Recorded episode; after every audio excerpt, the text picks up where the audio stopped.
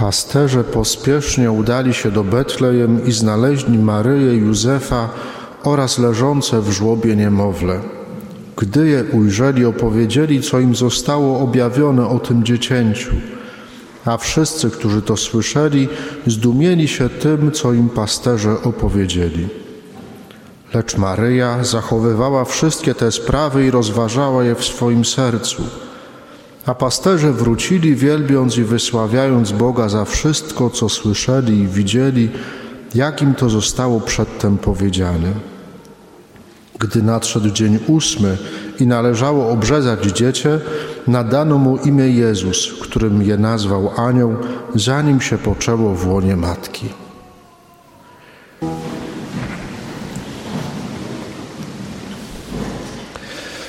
Czy warto robić postanowienia na początku nowego roku? Zdecydowanie warto. I nie tylko na początku nowego roku, ale tak jak często powtarzam, warto robić e, i trzeba robić postanowienia, choćby po spowiedzi. Dlaczego?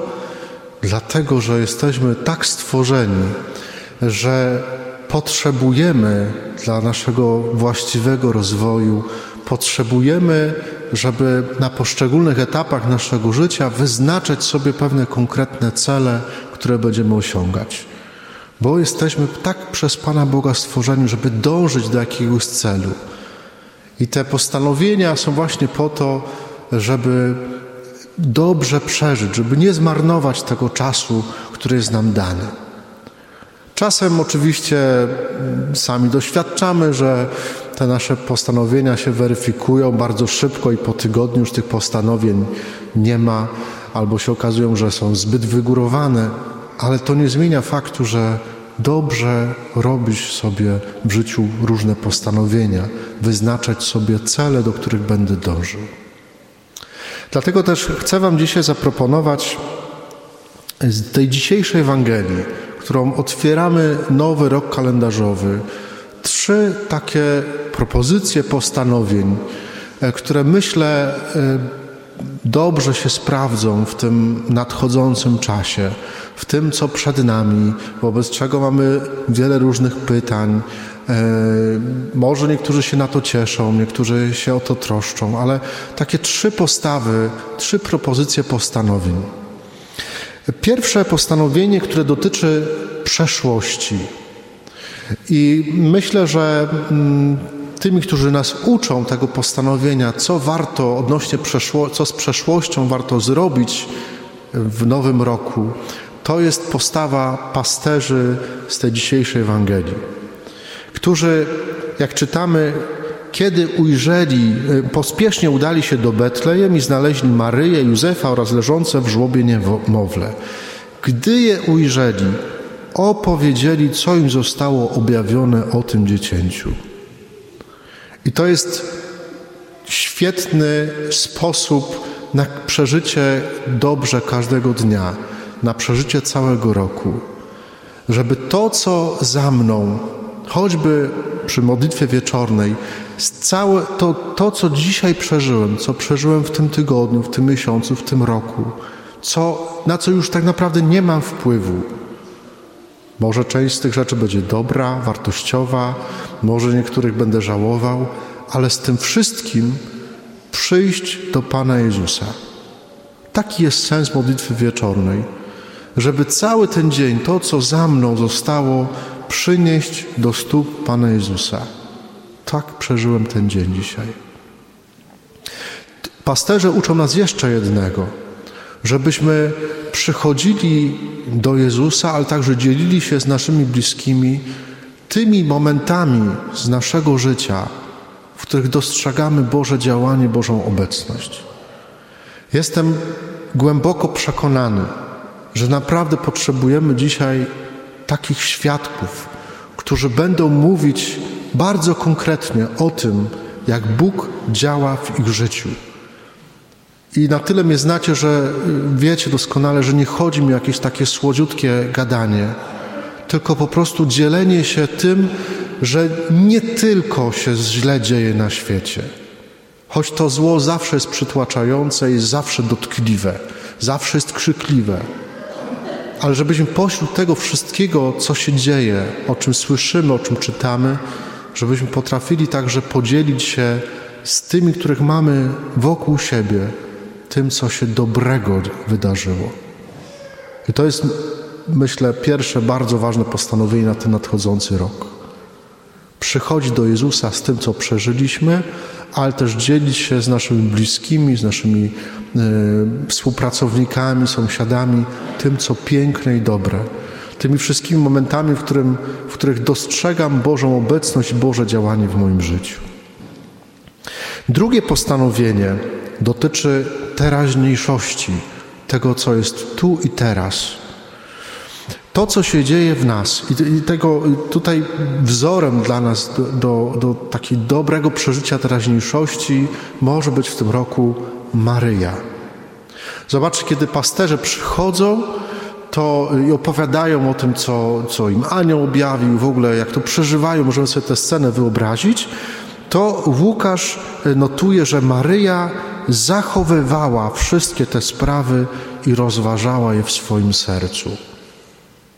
To, co się dzieje, ona się przygląda temu, przeżywa, uczestniczy w tym wszystkim i Łukasz mówi, że ona zachowuje wszystkie te sprawy i rozważa je w swoim sercu. Myślę, że to jest nam bardzo dzisiaj potrzebne, żeby uważnie słuchać i przeglądać się temu, co się dzieje we mnie, wokół mnie, w świecie. Ale, nie, ale to jest także zaproszenie do tego, żeby nie przeżywać życia powierzchownie, płytko, pochopnie. To jest zaproszenie do tego, żebyśmy e, w, naszych, w naszej codzienności w tym roku nie kierowali się impulsami, emocjami, opiniami innych. Zobaczcie, dane jest nam żyć w takim czasie, w takiej kulturze, choćby tej kulturze medialnej, która nie przekazujesz informacji. To, że program nazywa się informacje, albo fakty, albo wiadomości, to w ogóle nie znaczy, że tam są fakty, informacje albo wiadomości. Dzisiaj media karmią nas emocjami, obrazami, które mają nie przekazywać informacji, tylko przekazać emocje, a właściwie pobudzić w nas emocje. To są takie impulsy, które mają nas wyprowadzić z równowagi. Ktoś przychodzi do spowiedzi mówi, oglądam telewizor i jestem cały zdenerwowany. No nie dziwię się. Jest bardzo prosty sposób. Wyłącz telewizor. Wyłącz telewizor. Dlaczego? Bo te, dajemy się bombardować takimi impulsami, które nas po prostu wyprowadzają z równowagi. I chodzimy tacy rozedrgani, rozemocjonowani. Maryja mówi nam: Nie, po co to? Po co tak przeżywać? Prze nie, daj się, nie daj się sprowokować. Zachowuj to w sercu i rozważaj. Nie bój się zadawać pytania o przyczyny i skutki tego, co się dzieje. Wyciągaj wnioski. Myślę, że naprawdę jest to nam to dzisiaj bardzo potrzebne. Jesteśmy tak rozbici społecznie, bo dajemy się y, no, pobudzać nasze emocje.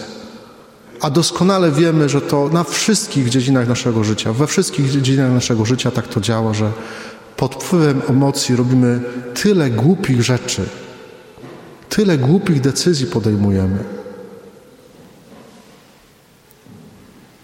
Nie bać się troszeczkę wystopować. I jest jeszcze jedna, która, jedna rzecz w tej Ewangelii, która nam podpowiada, co z takimi informacjami robić.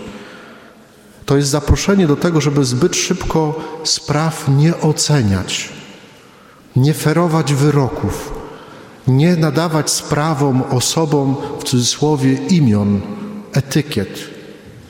Nie? Włączam telewizor, od razu, o to jest bez sensu, a to jest super. Nie.